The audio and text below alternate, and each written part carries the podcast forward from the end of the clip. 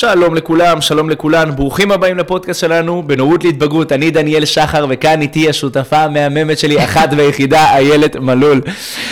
ברוכים הבאים לכם לפודקאסט שלנו בנורות להתבגרות, הפודקאסט שמביא לכם את הנושאים הכי חמים, הכי טרנדים והכי הכרחיים לגבי הורים, מתבגרים, ילדים ונוער, כל מה שנמצא בתוך הסקאלה המאוד מאוד רחבה הזו, עם כל ההתמודדויות והאתגרים והקשיים והמכשולים שאפשר וצריך וחשוב לעבור. מה שלומך שותפה מדהימה שלי? מצוין, אני כבר מחכה. אה, לתת את הכלים הכל כך חמים שלנו, שיש לנו. אני חושבת ש...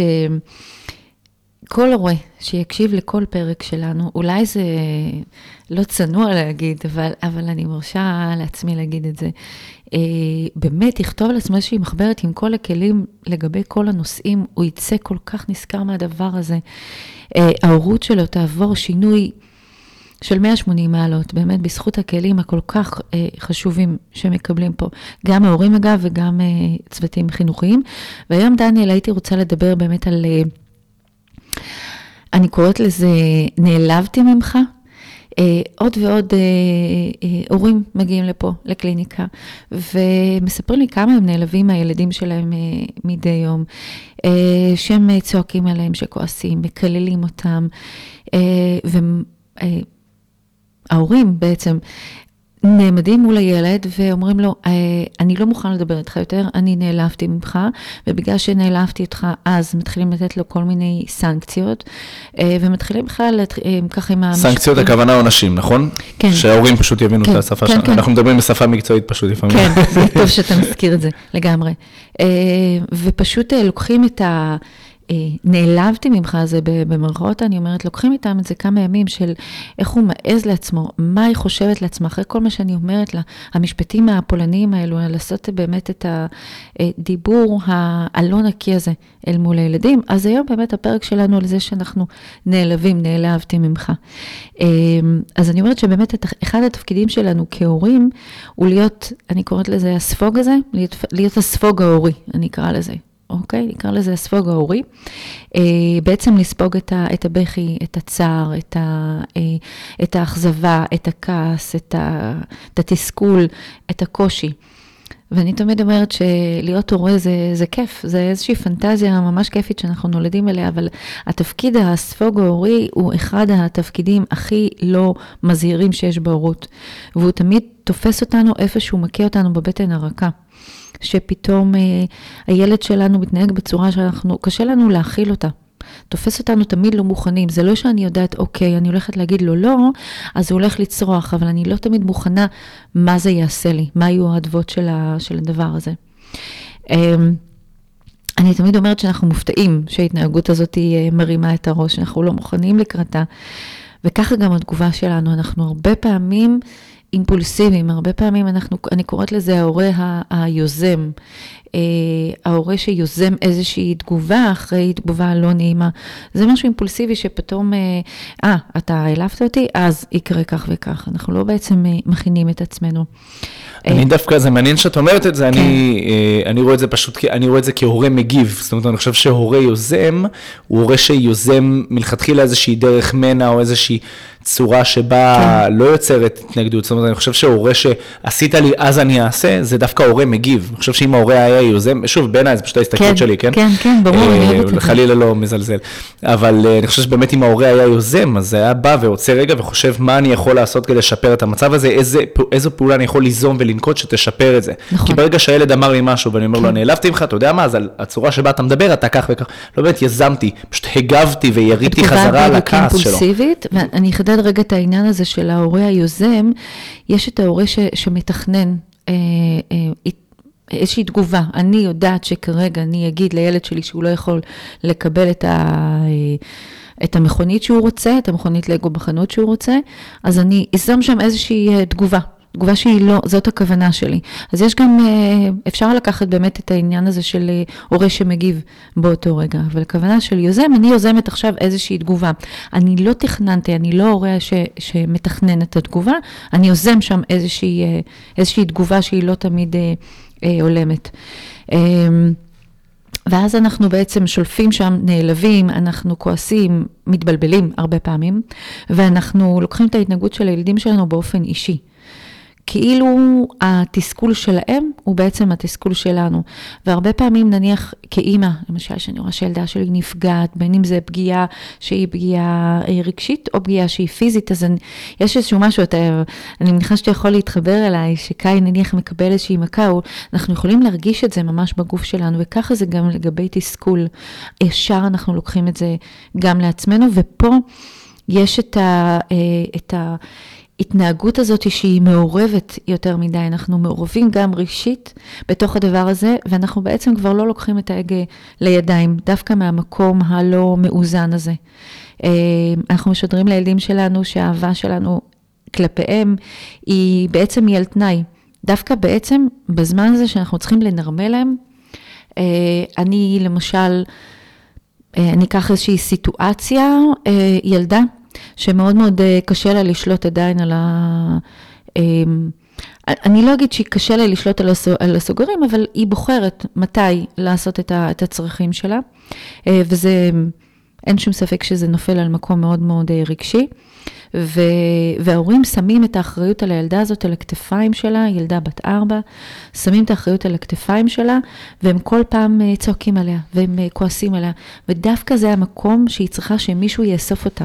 אבל זהו, יש לי פה שאלה מעניינת, כן. אני רוצה שנייה לגעת בנקודה הזו. אני רואה שאתה יושב... אה, זהו, זה כזה, כן. מצביע כזה כמו המורה, המורה. כן, כן.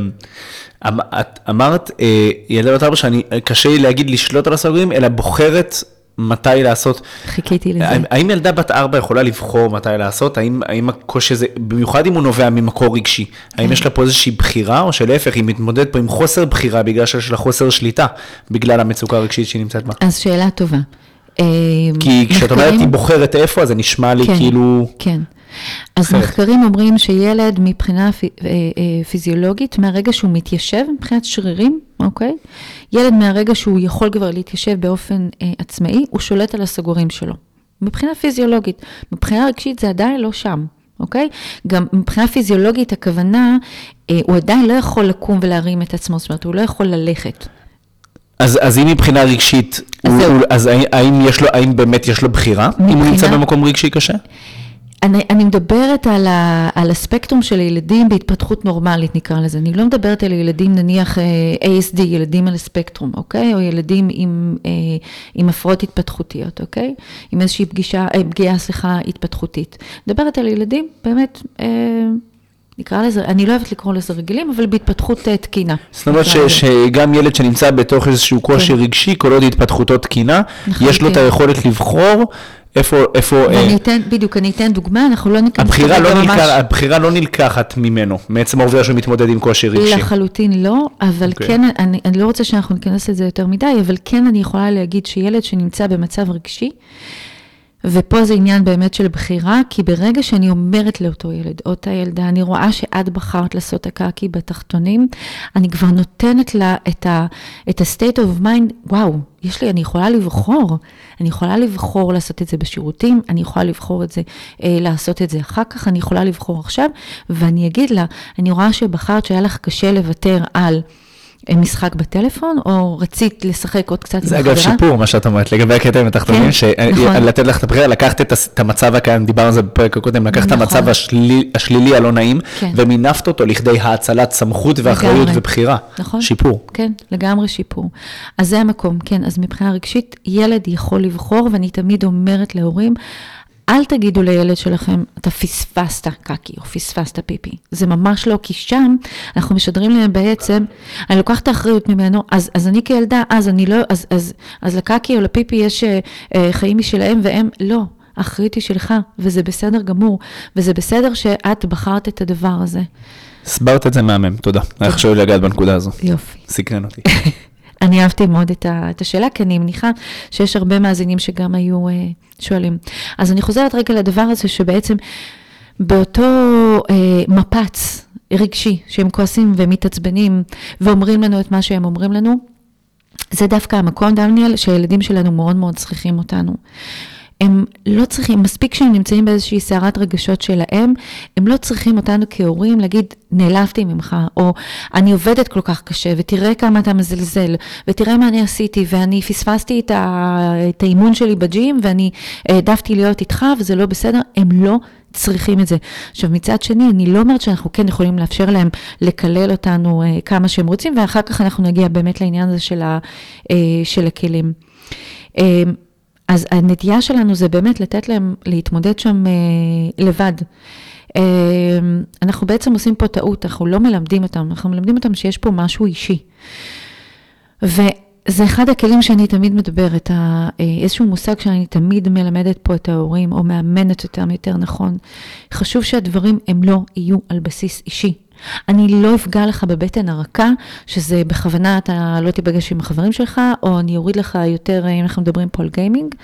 אתה רוצה להגיד משהו, אני רואה בשפת כן, לא, שהיה לי, הייתה לי אימא שפשוט כל פעם שהילד שלה התנהג בצורה שלא התאימה לה, אני, אני אגיד לדני לא להגיע השבוע, ואז וואו. כאילו, את לוקחת את המקור אור היחיד שיש לילד, ופשוט שולפת את זה ממנו, אז כן.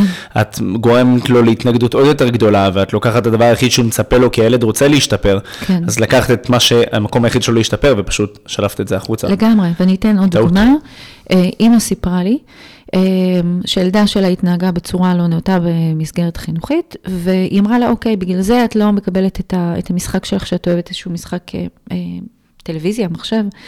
ו... ואמרתי לה, רגע, אבל אמרת לה עד איזה שעה, או מה היא צריכה להפגין בשביל לקבל את זה בחזרה? אז היא אמרה לי, לא. אמרתי, אז מתי תחזירי את זה? היא אמרת לי, לא יודעת, כשהיא תתנהג יפה. מה היא אמורה לעשות? מה זה להתנהג יפה? להרים את היד למעלה, אה, להכין לך כוס קפה כשאת קמה כל יום בבוקר? מה, איך זה אמור להיראות להתנהג יפה? לא הוצאה לה מעולם אלטרנטיבה להתנהגות טובה יותר, אז להשאיר אותה עם כשתתנהג יפה, אבל איך מתנהגים יפה? מה התוצאה נכון. שאת רוצה לקבל? האם זה בכלל נכון. מרגיש לי נכון לעשות אותו? יראה? האם אני מתמודדת עם דבר שבכלל מאפשר לי כן. לעשות את זה? ו... ואז ככה, תוך כדי דיבור, ואז היא אומרת לי, אבל את יודעת, היא הייתה ממש חוצפנית, את יודעת מה היא ענתה לי? אז אני לא אתן לך לעבוד. איך היא מעיזה להגיד לי דבר כזה, שהיא לא תיתן לי לעבוד, כי עצמית עובדת מהבית, ו... ואמרתי לה, זה בדיוק, היא נגעה לך בבטן הרכה כמו שאת עשית לה. את לימדת אותה שיש פה משהו אישי. את לקחת ממנה משהו שהוא לא בסדר. עכשיו, חשוב לי כן להגיד למאזינים, שזה ההורים בעצם עכשיו. זה לא שאני אה, לא יכולה להטיל איזושהי, אה, איזשהו כלל או איזשהו חוק, אה, או לקרוא לזה עונש, אל מול נניח משהו שהילד שלי עובד, אוהב, סליחה, אבל כן אני אחפש את, הקשר בין הדבר הזה לדבר הזה, אוקיי? וכן, ברור שהקשר, ש, ש, שהגבול או החוק שהצבתם, כן. קודם כל שיהיה גם, ב, שידובר בצורה נעימה, זאת אומרת, לגמרי. להציב גבול, זה, זה מה שחשוב לגעת בו, להציב גבול כתגובה נכון. ל, להתנהגות של ילד, זה לא חכם. נכון. הגבול, אחד, הגבול הזה לא יתקבל טוב על ידו, שניים, זה יחזיק לטווח קצר מאוד, מאוד כללים קצר. וגבולות מציבים כשמדברים בנעימות, כשהסיטואציה נעימה ומכילה ומאפשרת, לא כשיש מתחים ו, נכון. ורגשות שליליים, נכון. לא שם הזמן להציב נכון. את הגבולות. ואני אגיד יותר מזה, כן. היא בעצם נידלה התנהגות שלילית עבור הילדה, כי ידי זה שהיא נגעה לה בבטן הרכה, הילד נגע חזרה לאימא, בבט... הילדה נגעה חזרה לאימא בבטן הרכה. למעשה הילדה קלטה את המודלינג השלילי שהיא קיבלה, והקרינה אותו חזרה. נכון. זה יחזור אחר כך גם מול ילדים שהיא תסתובב איתם, חברים וחברות. אה. זה באמת, אה, זה קטע, כי זה בדיוק באמת מה שאני אמרתי. מכיר את הסיפור. אה, ואני כן, אני אומרת, למשל, אני אתן פה ככה איזשהו כלי. נניח שילד יתנהג בצורה לא אחראית במסגרת החינוכית, או סליחה, בכל מסגרת, אז אני כן יכולה לחפש משהו, נניח ב, ב, במסגרת הביתית, להגיד לו, תקשיב, אתה התנהגת בצורה לא אחראית בחוץ. אז בבית, נניח, אני סומכת עליך שאתה תהיה ברשתות חברתיות, כי צריך לגלות שם הרבה אחריות, ו- ואתה לא יכול להיות, נניח, סתם ביום הקרוב, אתה לא יכול להיות ברשתות חברתיות, כי אני לא סומכת עליך, כי עשית משהו שגורם לי לאבד את האמון בך. ביכולת שלך לקחת אחריות, והיכולת שלך לקחת אחריות בסתם, ללכת, אה, לצאת לבלות עם חברים עד שעה מסוימת, או במקום מסוים. אני לא מרגישה שאני מספיק יכולה לסמוך עליך, כי אתה התנהגת לפני 24 שעות בצורה לא אחראית. אז זה כן, זה לא נקרא אה, לגעת בבטן הרכה. ואני רוצה... אני מאמין שזה כי הדבר הזה בא עם הסבר אה, הגיוני ו- כן. וגם, אה, וגם מתקבל אחרת. לגמרי, לגמרי, ו- וגם אני חושב שיש שם, בגלל שיש שם נוכחות של הסבר, שהוא לטובתו של הילד, זה לא סתם הסבר, כי אם אני כהורה, אני מנסה רגע להיכנס לנעליים של ההורה, והייתי אומר, אה, אני לא יכולה לאפשר כי, כי, כי לי ולי ולי, ואני ואני נכון, ואני, נכון. אז יש הבדל בין להגיד את זה ולהגיד, אני, אני לא יכולה לאפשר, כי אני חוששת שאתה עלול לפגוע בעצמך אם לא תנהג באחריות, נכון. ואז את גורמת לילד להרהר ולחשוב, רגע, וואו, אולי באמת יש פה משהו בעייתי, כי אני עלול לפגוע, אני עלול להזיק לעצמי או לפגוע נכון. בעצמי או לעשות משהו שיחזור אליי בבומרנג. לא נשכח גם אה, מאזינים יקרים ומאזינות יקרות שהילדים הם, במיוחד בגילי ההתבגרות הצעירה 8 עד 13, הסלפנס, האני העצמי הוא מאוד מאוד חשוב וגדול אצלם. זאת אומרת, מאוד. אני, אני מרכז העולם והעולם כולו תפאורה, אז אם אנחנו ניכנס רגע לתוך הנעליים של הילד בהתבגרות הצעירה הזו, ואנחנו נציע לו הסבר, שההסבר הזה שם אותו במרכז, למה לך זה עלול להזיק, הילד יקבל את זה הרבה יותר טוב, הרבה כי יותר. עוד קשה לו להסתכל באופן שלם על רגשות חיצוניים של האחר. נכון. אז יהיה לו קשה להבין הסבר שמדבר על למה לי קשה, ויהיה לו הרבה יותר קל להסביר, לקבל הסבר למה, למה לך זה יהיה קשה, נכון. אם זו ההתנהגות שתבחר בה. נכון. זה מה התועלת שלך, שתצא. מזה, לא רק התועלת, התועלת שלי או הנזק, כמבוגר. כן, כן, בדיוק. לגמרי. אז אני תמיד אוהבת לקחת את, ה, את הדימוי הזה של אה, לרכב על אופניים. לרכב או לרכוב, אנחנו אומרים? אני חושב שבעברית תקינה אומרים לרכוב. לרכוב. אני לא בטוח אני חוש... אני כמעט בטוחה שזה אני לרכוב. גם חושב, אבל אל תתפסו אותי במילה אוקיי, פה. אז, אז אם מישהו מאזין לנו וחושב אחרת, אנחנו נשמח לדעת.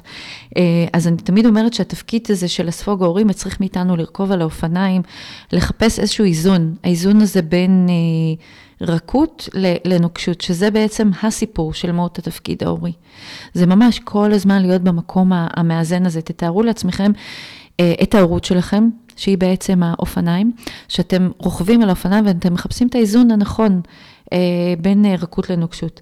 עכשיו, בכדי שנדע ונזכור תמיד את האין לגיטימציה שלנו, אני קוראת לזה במרכאות, שאין לנו לגיטימציה בעצם להיעלב מהילדים שלנו, אנחנו תמיד נכתוב לנו על, מבחינתי על שלט גדול אפילו, אני תמיד אומרת את זה, שאנחנו לא שווים אליהם. אנחנו כן יכולים להאמין ב, אה, בדמוקרטיה אה, ובשוויון בתוך המשפחה, ואני חושבת שאנחנו כבר דיברנו לפני כמה פרקים באמת על אה, דמוקרטיה ושוויון בתוך, ה, בתוך הבית, אבל חשוב לי להגיד שהם לא החברים שלנו. אוקיי? ואני חושבת שאולי זה באמת איזשהו פרק שאולי באמת אנחנו נדבר עליו, ניתן לו ככה איזושהי, אה, איזשהו ככה מקום של כבוד, אה, האם הורה או חבר, כי, אה, כי אני הרבה פעמים שומעת את ההורים אומרים, אה, אנחנו חברים הכי טובים, היא מספרת לי את הכל, כל מה שאני רוצה זה שהיא תהיה החברה הכי טובה שלי, שאני אהיה החברה הכי טובה שלה. אז חשוב להגיד, ואני חוזרת ואני אומרת את זה הרבה פעמים בפרקים, אנחנו לא חברים של הילדים שלנו. אה, אנחנו לא בני זוג שלהם, אנחנו הורים שלהם, והתפקיד שלנו הוא בעצם לקחת את האג הזה לידיים ולנהוג מתוך אחריות בעצם. האחריות שאנחנו עוסקים בילדים שלנו, ולא בכמה אני נעלבתי ממך. כי כשהמתבגרת שלי, ותבוא ותגיד לי, את האימא הכי נוראית, את הפכת את זה ליום הכי, סליחה על הביטוי, הכי חרא שהיה לי, אה, הדבר הכי חשוב זה רגע לנשום עמוק, אני כן יכולה להגיד, חמודה, לא נעים לי איך שאת מדברת אליי, ואני לא אמצא במקום שלא נעים לי ואני הולכת, אבל אני כן אשמח ברגע שאת נרגעת, או אם את צריכה ממני איזושהי, אה, אה, איזשהו כלי להירגע, אני פה איתך. אבל כן לחצות את המקום הזה ולהגיד, פה לא מדברים אליי ככה, וללכת, וזה לא- יהיה modeling נהדר עבורם גם. ואת לא תגידי לה, זה פוגע בי. לא. אוקיי, ויש לי שאלה, מאתגר אותך. כן, אה, אני אוהבת. אני, אני איש מקצוע, ובחונכות שלי, ואני מאמין שגם מאמנים אה, לילדים ונוער מתמודדים עם זה שפתאום הילד עושה איזושהי התנהגות, התנהגות שהיא פוגעת בבעל המקצוע. אז את דיברת על זה שההורה, אה, אין לו את הלגיטימציה לומר שהוא נפגע. מה עושה איש מקצוע בעינייך? כשילד, נניח כש- כמו מורה, כמו מורה, כמו אני החונך, אם עכשיו ילד עשה התנהגות שפגעה בי, האם אני אומר לו, זה מאוד פוגע בי התנהגות שאתה אה, בוחר להשתמש בה כרגע, האם אני אומר לו, אה, גם אני, אני לא מוכן להיות נוכח ב- בשיח כזה פוגעני ואני אהיה כאן כשתירגע, כאילו, איך, איך, איך יתמודד עם זה איש מקצוע אוקיי. בהשוואה להורה? אז uh, אני חושבת שההתמודדות היא פחות או יותר אותו דבר. שוב, גם איש מקצוע, חובה עליו להגיד, המילים שלך, ההתנהגות שלך, היא uh, לא, לא, לא, לא לרוחי, היא לא נעימה לי, ואני לא אמצא במקום שלא נעים לי להיות שם. עכשיו, אני, כי ברגע שאני אומרת לך, אתה דניאל, אתה הנער, אני נפגעתי ממך, אוקיי? זאת אומרת שנתתי לך לגיטימציה שיש פה משהו אישי ביני לבינך, ואין פה שום דבר אישי. אוקיי? אז כן, הדבר הראשון, אני אגיד לו, אני לא נמצאת במקום שלא נעים לי להיות בו.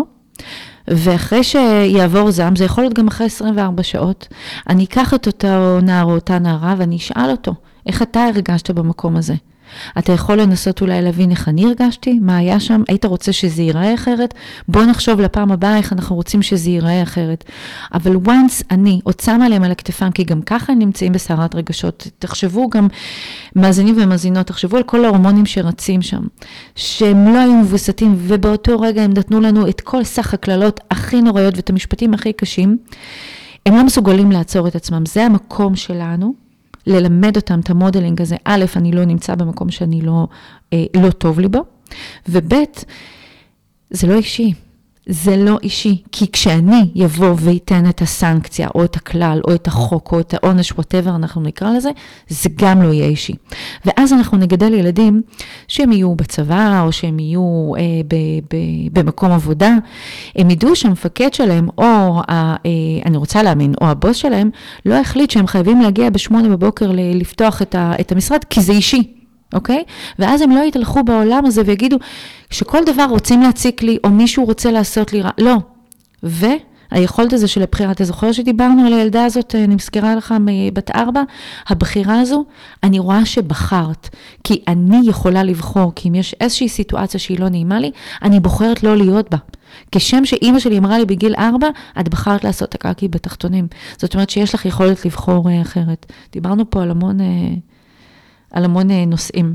את, לא, דווקא זה נושא אחד שפשוט אה, לקחנו אותו לכמה כיוונים, נכון. בגלל יש את הנושא של ההורה, יש את הנושא של בעל המקצוע, יש את הנושא של מתי להציב את הגבול, נכון. יש את הנושא של אה, האם הגבול הזה צריך בכלל להיות עונש, האם צריך, צריכה לבוא איזושהי אלטרנטיבה במקומו, דיברנו על, על המון המון נושאים שקשורים כן. למטריה הזאת שאת מדברת עליה, ממך. ובאמת ככה, כי כן. הרי הרבה פעמים כל הקשר בין הורה לילד נהיה...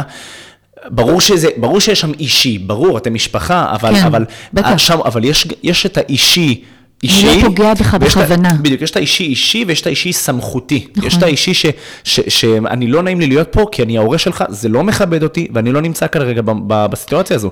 לבין להגיד, אתה פגעת בי כל כך עמוק, שכאילו, את יודעת, זה... אתה בזה הרגע נתת לילד שלך את הדלת, את הכלי להגיד, אני כל פעם שההורה שלי יעצבן אותי, אני אפגע בו.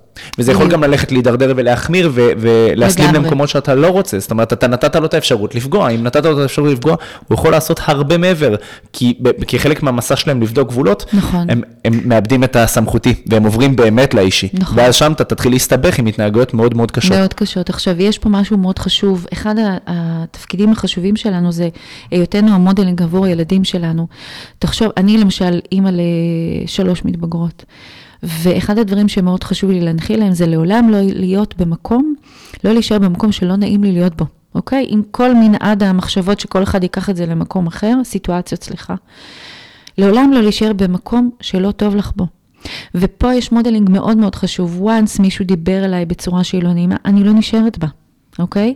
ואז אותו בן אדם יודע בפעם הבאה איך לדבר אליי, אבל פה יש לי משהו מעניין, שוב, לאתגר, כן. אני אוהב לאתגר. יאללה, תן לי את זה. בא עכשיו הילד שלך והולך לה, והאמת שזו שאלה, שאלה ששמעתי מאיזשהו הורה, אמ, בא עכשיו הילד ואומר, המורה מדברת אליי לא יפה בבית ספר, היא לא מדברת אליי בצורה שלא, שנעימה לי. לא נעים לי להיות בבית ספר, אז אתה אמרת לי אבא, או את אמרת לי אמא, שאם לא נעים להיות במקום מסוים, אני לא צריך להיות שם, אז אני לא הולך יותר לבית ספר. אוקיי. מה עושים במצב הזה? אז קודם כל, אני חייבת להגיד שכהורה, אני לא אגיד לו, אוקיי, אני אדבר עם המורה, ואני אראה לה מה זה, אני אכנס בה, אני אדבר עם המנהלת, אוקיי? דבר ראשון, אני אשאל אותו, מה היה שם? זה ממש כמו נניח אה, שילדים מנהלים איזשהו ויכוח והם באים, אה, נניח אחים, אמא, הוא לקח לי, הוא עשה לי. התפקיד שלנו הוא לא לבחור מי היה שם בסדר או לא בסדר. זה ישר לשאול אותו מה הייתה האחריות שלו שם, ויכול להיות שבאמת המורה לא ראתה שהוא לא דיבר, או לא זרק את הכדור, או לא, לא יודעת מה, לא נשך את הילד, אני אשאל אותו מה היה שם, מה לדעתו גרם לה. זאת אומרת שאני מעבירה אליו את האחריות לברר את זה, אני כן אגיד לו, אני מציעה לך שתלך תדבר איתה, אולי תכתוב לך. אבל הוא אומר לך, אני לא רוצה ללכת לבית ספר. אני לא, אני לא רוצה, לא נעים לי להיות שם. כאילו לוקח את זה למקום ה... אני אגיד לו, אני גם אוסיף ואני אגיד לו שזה באמת לא נעים. איך את שומרת אותו במסגרת? קודם כל להגיד שזה באמת לא נעים. אם אוקיי. okay. מורה צועקת, שאני חושבת שגם אם מורה הייתה צועקת עליי, הייתי נעלבת או כועסת או, או נבהלת, מתאכזבת.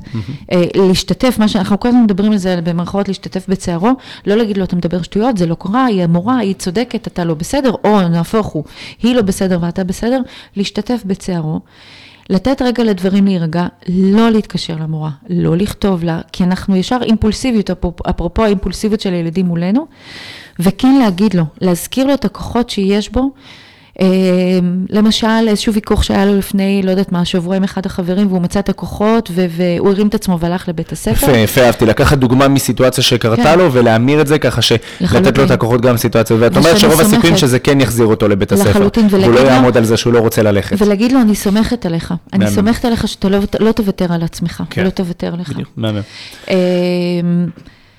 אנחנו באמת שולחים אותם, את הילדים שלנו, באמת אחרי המפץ הזה, אנחנו שולחים אותם לחדר, אה, אל תוך המחשבות ותוך הלב שלהם, אנחנו משאירים אותם לבד. אתה מכיר את זה שאנחנו אומרים, לך לחדר, תחשוב על מה אתה עשית, וזה, וזה בסדר שהם ילכו רגע לחשוב. אבל להשאיר להם שם איזשהו קצה של, אה, אה, של ענף, לרדת מהעץ, או איזשהו חבל, כי תמיד אנחנו אומרים לילד, דיברת מאוד לא כנס לחדר שלך, ועד שאני לא קוראת לך, אתה לא יוצא משם. עכשיו, הוא, בסך הכל, הוא צריך אותנו. עכשיו, אני לא אומרת שאחרי שהוא קילל אותי, או דיבר לא יפה, או לא יודעת מה, זרק עליי איזושהי מאפרה, או כל דבר אחר, אז זה לא אומר שאני צריכה... אה, אה, לסלוח ולהגיד לו חמוד, אז אה, תיכנס לחדר בבקשה, או לדעת שזה המקום, זה איזושהי סערת רגשות שהם חייבים שמישהו יחזיק אותם שם. אז יכול להיות כן, להגיד לו, אני מציעה לך חמוד, אולי תיכנס לחדר.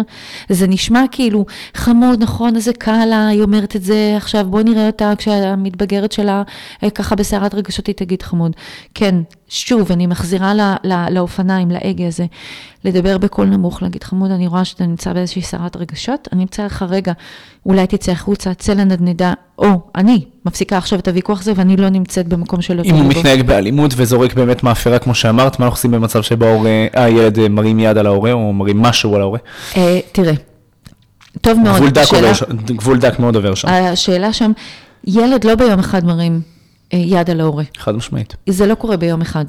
זה אומר שיש פה הורה שהוא פספס את ה... את ה- התנהגות, שורש של התנהגות שלך והסלימה. לחלוטין. אם, וזה אני אומרת עכשיו כמנתחת התנהגות, אם אנחנו נטפל בסיבה שבגללה הילד מרביץ, אנחנו לא נראה את זה קורה. אבל נניח ופספס, ופספסתי, ונניח שהייתי עסוקה בדברים אחרים, ופספסתי באמת ההתנהגות שהגיעה לכדי, אה, לכדי מכות, גם באותו רגע, או זריקה של חפצים. אם זה ילד קטן, אני אגיד לו, אתה רוצה לזרוק את הכריות, אתה יכול להיכנס לחדר, אתה יכול לזרוק, אתה יכול לזרוק רק לקיר, זאת אומרת, כן לאפשר לו את הדבר הזה, אבל אם זה הופך באמת לעניין של, של פגיעה, כמובן לעצור באותו רגע, להגיד שזה לא מתקיים פה, אה, ולעצור את זה, פשוט לעצור. אין, אין אפשרות פגיעה עצמית שילד יפגע בעצמו, יפגע ברכוש ויפגע אה, בהורים שלו. איך. עוצרים את זה, אהובה? עוצרים את זה בגוף? עוצרים את זה... אני מנסה ממש רגע שנייה להוריד לתוך הסיטואציה. כן. הורה מתמודד עם זה, ילד שלו מתחרפן, זורק דברים, מה ההורה הולך עושה? מחבק אותו, תופס לו- אותו? אז אני מודיעה לו לוקח לפני אותו כן. פיזית, מה מה עושים? אז אני מודיעה לפני כן, זה כמו נניח ילד שלא רוצה לקחת תרופה, אוקיי? ותכף אנחנו נדבר גם על עניין של מתבגרים שפוגעים. אה, אז אני באה ואני אומרת לו, אני עושה התרמה ואני אומרת לו, תקשיב, אם בפעם הבאה אתה לא תסכים לקחת את התרופה, אני אצטרך להשתמש בכוח. עכשיו, לא בכוח שאני אתן לך סטירה או נבעט בך, אוקיי? בכוח, אני צריך להחזיק אותך, כי את התרופה הזאת אתה חייב לקחת. או אם יש ילד שזורק אה, מאפרה, אז אני אגיד ולהסביר לו למה הוא צריך לקחת את התרופה על לחלוטין, הדרך. זה לחלוטין. יעזור לך להחלים, אתה תהיה חזק. אבל אני אצטרך, ואנחנו כן. נעשה את זה. אותו דבר עם ילד שמפגין אלימות, או אה, פגיעה בחפצים, ברכוש, אני אגיד לו, אני לא אתן לך שזה יקרה בפעם הבאה, אני חייבת לשמור עליך ואני חייבת לשמור עליי. אז בפעם הבאה, אני רואה שאתה הולך לעשות את הדבר הזה, אני צריך להחזיק אותך חזק עד שאתה נרגע. עכשיו, יש שם איזושהי הכנה, זה לא שאני פתאום באה ומפליקה לו. את מכיר, כי אם את מכירה את הילד שלך, ואם את יודעת שזה כן. יכול להגיע ל, ל, למצבים כאלו, אז מן הסתם את תעשי איזושהי הכנה מנטלית כן. ורגשית לדבר הזה, שאם זה קורה, אז תצטרכי לחבק אותו ולהחזיק אותו, ואנחנו כן. נצטרך ביחד אה, לעבור את, לחלוטין. הסאגה הזו, כי את לחלוטין. רוצה לשמור עליו ואת רוצה לשמור עלייך, וזה נמצא במקום הראשון, הבטיחות והבריאות של שניכם. לחלוטין. השאלות מאוד מאוד מחדדות. מהמם. אמ, אני רוצה רגע, אה, ככה, חשוב שהילדים שלנו בעצם, אמ, למדו משהו מאוד ברור באינטראקציה הזאת, שאין מקום בבית שלנו להבעת רגשות, שאם אנחנו כל פעם שולחים אותם לחדר, או לא מתמודדים עם הדבר הזה, חשוב לדעת שכן, שזה בסדר שהוא מתעצבן, זה בסדר שהוא כועס, זה בסדר שהוא מאוכזב, כי אנחנו הרבה פעמים, בעיקר ב... ב נקרא לזה, לא, אני לא יודעת אם לקרוא לדור הזה, אבל באמת ב, ב, בסקאלה הזאת של השבע שנים האחרונות, חוסר יכולת שלנו, ההורים, לספוג את הדבר הזה שהוא לא מרגיש טוב, הוא מאוכזב, הוא כועס והמורה העליבה אותו, אז מהר מאוד לא להתמודד עם שום דבר, אז אנחנו מהר מאוד מטייחים את הרגשות. טוב, אז אני אקנה לך, אני אביא לך. אז אבא בדרך מעבודה, הוא יעצור והוא... יק... לא. תנו להם להביע את הרגשות, גם אם זה כעס, עצבים או, או עלבון. זה בסדר, אנחנו תמיד... משכללים את המיומנות המוטורית שלהם, או את ה... אה, כן, אנחנו נלמד אותם לנעול נעליים כשהם קטנים, או יהיה לנו חשוב שהם ילכו, אבל את המיומנות הרגשית הזאת של להתמודד עם משהו שקשה לי, לא. שם זה נעצר, שם אני, אני לא יכולה, אתה מכיר את זה, הנסיך שלי, הנסיכה שלי, המלך שלי, הוא, הוא נפגע. זהו, בדיוק. אז בדיוק העניין הזה של, זה, זה המקום בדיוק שהוא הופך להיות אה, אישי. אה, בכל פעם שהילדים שלנו נתקלים באיזושהי מציאות שהיא מציאות שהיא לגמרי שלהם, אוקיי? יכול מאוד להיות שאותה מורה שאמרה לו משהו, יכול להיות שהחבר שלו היה מפרש את זה אחרת, אבל זאת המציאות שלו לגמרי. בתוכה הם פוגשים חוסר הלימה בין הרצונות שלהם לבין היכולת של, אני קוראת את זה של העולם לספק, לספק אותם. אה, את הרצונות שלהם. בעצם זה מוביל לאיזשהו כעס, התקפי זעם, התבודדות, הרבה פעמים אנחנו רואים את זה. אם זה לא הולך לפי ה-state of mind שלי, אז יש שם איזושהי התבודדות בתוך עצמה, ואז אנחנו נורא נלחצים כהורים. הוא מתבודד, הוא נכנס, הוא לא רוצה לדבר איתי, זה בסדר. זה בסדר שהוא רגע יוצא החוצה והוא מתמודד רגע עם הכעס שלו, זה בסדר גמור.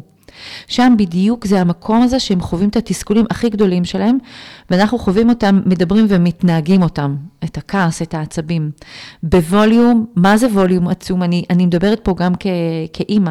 הווליום הוא מתוך איזשהו תסכול. אמ, ואנחנו בעצם חווים את זה כמו איזושהי תעלת ניקוז כזאת, שהכל פתאום מגיע אלינו. ואז אני אומרת, רגע, אז אנחנו חווים את כל הדבר הזה, דיברנו באמת, השאלות שלך שכיוונו להרבה פעולות, ואני פה ככה נותנת פה כמה כלים. הפעולה כאן היא, אני קוראת לה בעצם שהיא דו, דו-כיוונית, שראשיתה היא לטפל בתגובה שלהם, להתאים אותה. להבין ששם מתחת להתנהגות יש איזשהו צורך שלא מטופל, כמו שאמרנו קודם, הסיבה. מוטב שאנחנו נגיב וכן לסיבה, הוא ירק, אני צריכה להבין למה הוא יורק, האם זה תשומת לב, לא בא לו לטאטא את הרצפה, הוא לא רוצה להתמודד שם עם משהו אה, חברתי. לא איך הם, אני קוראת לזה, איך הם... עושים את זה על ידי שאלת שאלות, סליחה? אה, איך את מבינה את השורש? אני יכולה לשאול שאלות, אבל גם פה אני אשאל שאלות באופן מאוד מאוד... אה, עם רגישות, אוקיי? כי הרבה פעמים אתה מכיר את זה שאנחנו שואלים את הילדים שלנו כל מיני שאלות, אוף, אמא תפסיקי לבלבל לי בשכל, אוף, זה לא מתאים. לדעת מתי לשאול את השאלות. אה, אני יכולה להגיד, שהרבה פעמים הילדות שלי, אה, השתי צעירות עדיין צריכות שאני אסיע אותן ממקום למקום, אז אני מוצאת שהזמן הזה של, ה, של הגט טקסי, מה שנקרא, אה, זמן מעולה לדבר? לגמרי, זמן מעולה לדבר, זה יכול להיות אה, שאנחנו שמות מוזיקה, ואז אני יכולה להגיד, אה, רציתי לשאול אותך, את זוכרת? אז זה כלי מעולה לדעת מתי לדבר איתם בדיוק, בעצם. בדיוק, כזה. ממש... ושהשיחה הזו היא באמת תהיה קצרה. לא להגיד לו, אני מזמן אותך למשרדי. כן, כן, כן, כן, זה לא, זה לא עובד איתם. בדיוק. הפעולה השנייה היא, אז, אז אמר שבעצם הפעולה הראשונה זה לדעת את הסיבה שבגללה, וזה הרבה פעמים זה יכול להיות אה, שאני אסתכל רגע מהצד ואני אבדוק. אה, אני לא אומרת להיכנס לטלפונים שלהם, לקרוא מכתבים וכאלה, אלא רגע לקחת כמה ימים ולבדוק את הסיטואציה הזאת, האם זה קורה מול חברים, האם זה קורה רק מולי, אולי רק אחרי צהריים, בבוקר יש לו יותר זמן. אז הפעולה השנייה היא ללמד אותם שה... שהמציאות בעצם שאנחנו הצגנו עבורם היא לא אישית נגדם, אוקיי? גם לדבר את זה, שהעולם שיצרנו אנחנו ההורים, היא מבוססת, כן, על ערכים שהם חשובים לנו כמשפחה, כבני אדם. וככה נוצר העולם, בעצם כל העולם נוצר, על מערכת של חוקים, של מה מותר ומה אסור. זאת אומרת, אה, למשל, אה, לא יודעת, הילד שלי ירצה אה, גלידה לפני ארוחת ערב, אוקיי? יש משפחות שזה בסדר מבחינתם, ויש משפחות שלא. אני מהמשפחות, מהאסכולות האלה שאומרות, לא, אין גלידה לפני. ואז אני אסביר, אני אסביר מה הערכים שלי. כאימא, מה נכון לנו בבית כמשפחה, אבל אני כן אשאל אותו, אני כן תמיד אתן לו את היכולת להסביר את העמדה שלו למה כן. מהמם, ואת יכולה למשל להגיד לו, אה, סתם דוגמה, אה, כי מאוד חשוב שקודם נאכל אוכל מזין, שקודם נמלא כן. את הבטן שלך באוכל בריא ומזין, שעוזר לך לצמוח ולגדול ולהתחזק, כן. וגלידה זה קינוח, זה לבסוף. כן, לגמרי זה כזה. נשנוש כזה. לגמרי כזה. וזה יכול להיות אה, גם, נניח אם זה למתבגרים יותר, אה, נניח שעה מסוימת של לחזור הביתה מבילוי מסוים, אוקיי? גם להגיד, להגיד למה, למה כן. אני יכולה להגיד נניח על עצמי, שיש שעה מסוימת שכן, שאני מסכימה שהילדות שלי המתבגרות יחזרו הביתה, כי יש שעה מסוימת שאני יכולה עוד אה, נניח אה, להישאר ערה, ששם חשוב לי אה, להריח אותם, לראות אותם, להרגיש אותם שהן חוזרות. ואם זה בשעה מסוימת כבר אני לא אחזיק מעמד, אז הם לא יחזרו שם. כי חשוב לי, כי חשוב לי לראות אותך, חשוב לי להריח אותך. זה לא שאני לא סומכת עלייך. אני, בדיוק, אני דואגת, זה מקום שחשוב לי כאימא להביע באמת את, ה, את הדאגה.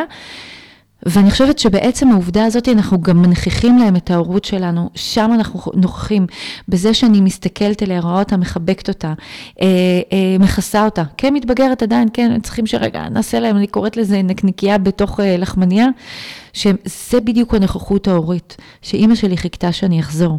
לא בשביל לראות אם אני עישנתי או לא יודע, או שתיתי, אוקיי? זה לא מהמקום הזה. כשאני אומר, אומרת להריח ולראות, זה שוב, אני הייתי צריכה להגיד את זה מההתחלה, זה לא ממקום לראות אם היא שתתה אלכוהול או חזרה שיכורה, או לראות באיזה מצב היא. האם היה שם משהו חברתי שהיא לא יכלה לעשות אותו, ובכלל, לשמוע חוויה. האמת שאת אומרת את זה בכזה רגישות ומתוך מקום כל כך אותנטי, כן. שהאמת לא חשבתי על זה אפילו שאמרת להריח, לא חשבתי על זה במקום של להריח פיזי, זה להריח את הנוכחות שלך. לגמרי. יש בזה משהו מאוד טוב, ואני ראיתי פה, אם אני יכול רגע שנייה לפתוח אישי, אני ראיתי כן. אותך פה לפני אה, הפרק עם הבת שירה. המהממת שלך, כן, שארגנה לנו פה את האוכל הטעים הזה, כן. ולראות את הקשר שלכן, ולראות את you האמיתי הזה. עם, עם, love. עם מתבגרת כזאת בוגרת ש, שפשוט מחבקת אותך ועוטפת אותך כאילו העולם תלוי בזה, זה, זה רק לראות כמה שהגעת ללב שלה, כמה שאת עמוק שם, שאת אה, את חלק עצום מהעולם שלה, את ממלאת. נפח מדהים משם, זה מדהים תודה, מאוד. תודה על המחמאה. יש לי עוד דרך ארוכה כאימא לעשות, לכולנו, שאני. עושה אותה כל לא? יום, כל יום. אבל אני חושבת שאחד הדברים באמת שלי עזרו בהורות שלי למתבגרות, זה באמת נוכחות הורית, וזה בעיקר, בעיקר, אה, אתה יודע מה, זה לא בעיקר רק אצל מתבגרים, זה בכלל, הנוכחות ההורית שהיא הולכת ו... והופכת להיות אה, ממש אה, מועטה. אה, בעיקר בזמנים האלה ש...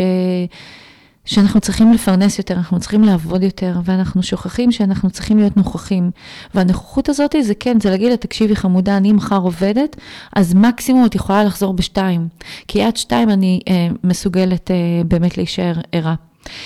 אה, ברגע שאנחנו נבנה בבית שלנו את המערכת יחסים עם הילדים שלנו, שהיא תהיה כזאת שלא עוסקת במילים החוצפניות, הפוגעניות, המזלזלות, המילים שלא מעריכות אותנו, אתה לא הערכת אותי, אתה לא מעריך אותי מספיק. ברגע שאנחנו לא נהיה במקום הזה, אלא מערכת יחסים שרואה את הצרכים, את מה שמסתתר מתחת, אני קוראת לזה, מתחת לפיגומים שעומדים להתפרק, היא תהיה מערכת יחסים שמעניקה את המשענת של, אני קוראת לזה, אנחנו ביחד ולא במלחמה אחד עם השני. שם יהיה בדיוק המקום הזה. לגמרי, ואני אוסיף סייג קטן, גם בטח. אה, בין, בין אה, אה, בני המשפחה, אה, בין בני הזוג, כלומר, התכוונתי כן. לומר, האבא והאימא, לא להגיד, את, אה, לא להשתמש בדיוק במונחים האלו, כן. של אה, כל מה שאני עושה בשבילך, את לא מעריכה אותי. נכון. הילד מסתכל על זה, מעבר לזה שזה מודלינג אה, ממש. שלילי, הוא גם לומד את השפה הזו, ו-. ואז כאילו, הוא... הוא הוא יכול, גם אם הוא לא יגיד את זה במילים, הוא ירגיש שהאימא לא מעריכה אותו, שהוא לא מעריך את האימא. שיש בכלל את האפשרות הזאת, אנחנו לא מעריכים אחד את בדיוק, השני. בדיוק. זה כן. משפחה. שמכבדים בה, ואנחנו מראים את זה, אנחנו לא מדגישים וצועקים נכון. אחד לשני ומדגישים את הלא מעריכים, אנחנו מדגישים את הכן. את האיך כן, נכון. אז בדיוק זה המקום שהילדים שלנו לא יצטרכו לקחת על עצמם את, ה, את הכבוד שלנו שהם פגעו בנו. הם יהיו פנויים להירגע, לחשוב על דרכים לפתרונות, לשכלל את היכולת, דיברנו פה, לשכלל יכולות גם מיומנות רגשית, לשכלל את היכולת של ההתגברות שלהם, אה, ולהבין שהעולם הוא לא אישי נגדם, ושההורים שלהם מכבדים אותם, אם אנחנו מדברים פה באמת על, על לכבד. וככה משהו לפני, אה, ממש שנייה לפני סיום, שאנחנו מדברים את זה הרבה בפרקים שלנו, אנחנו האותנטיות של הילדים שלנו, הבית הוא האותנטי. ככל שהם מתבגרים יותר, הבחוץ, למרות שהוא נראה שהם כל הזמן עם החברים שלהם, אבל תשימו לב, הם יצאו החוצה, הם יתגנדרו, הם ית...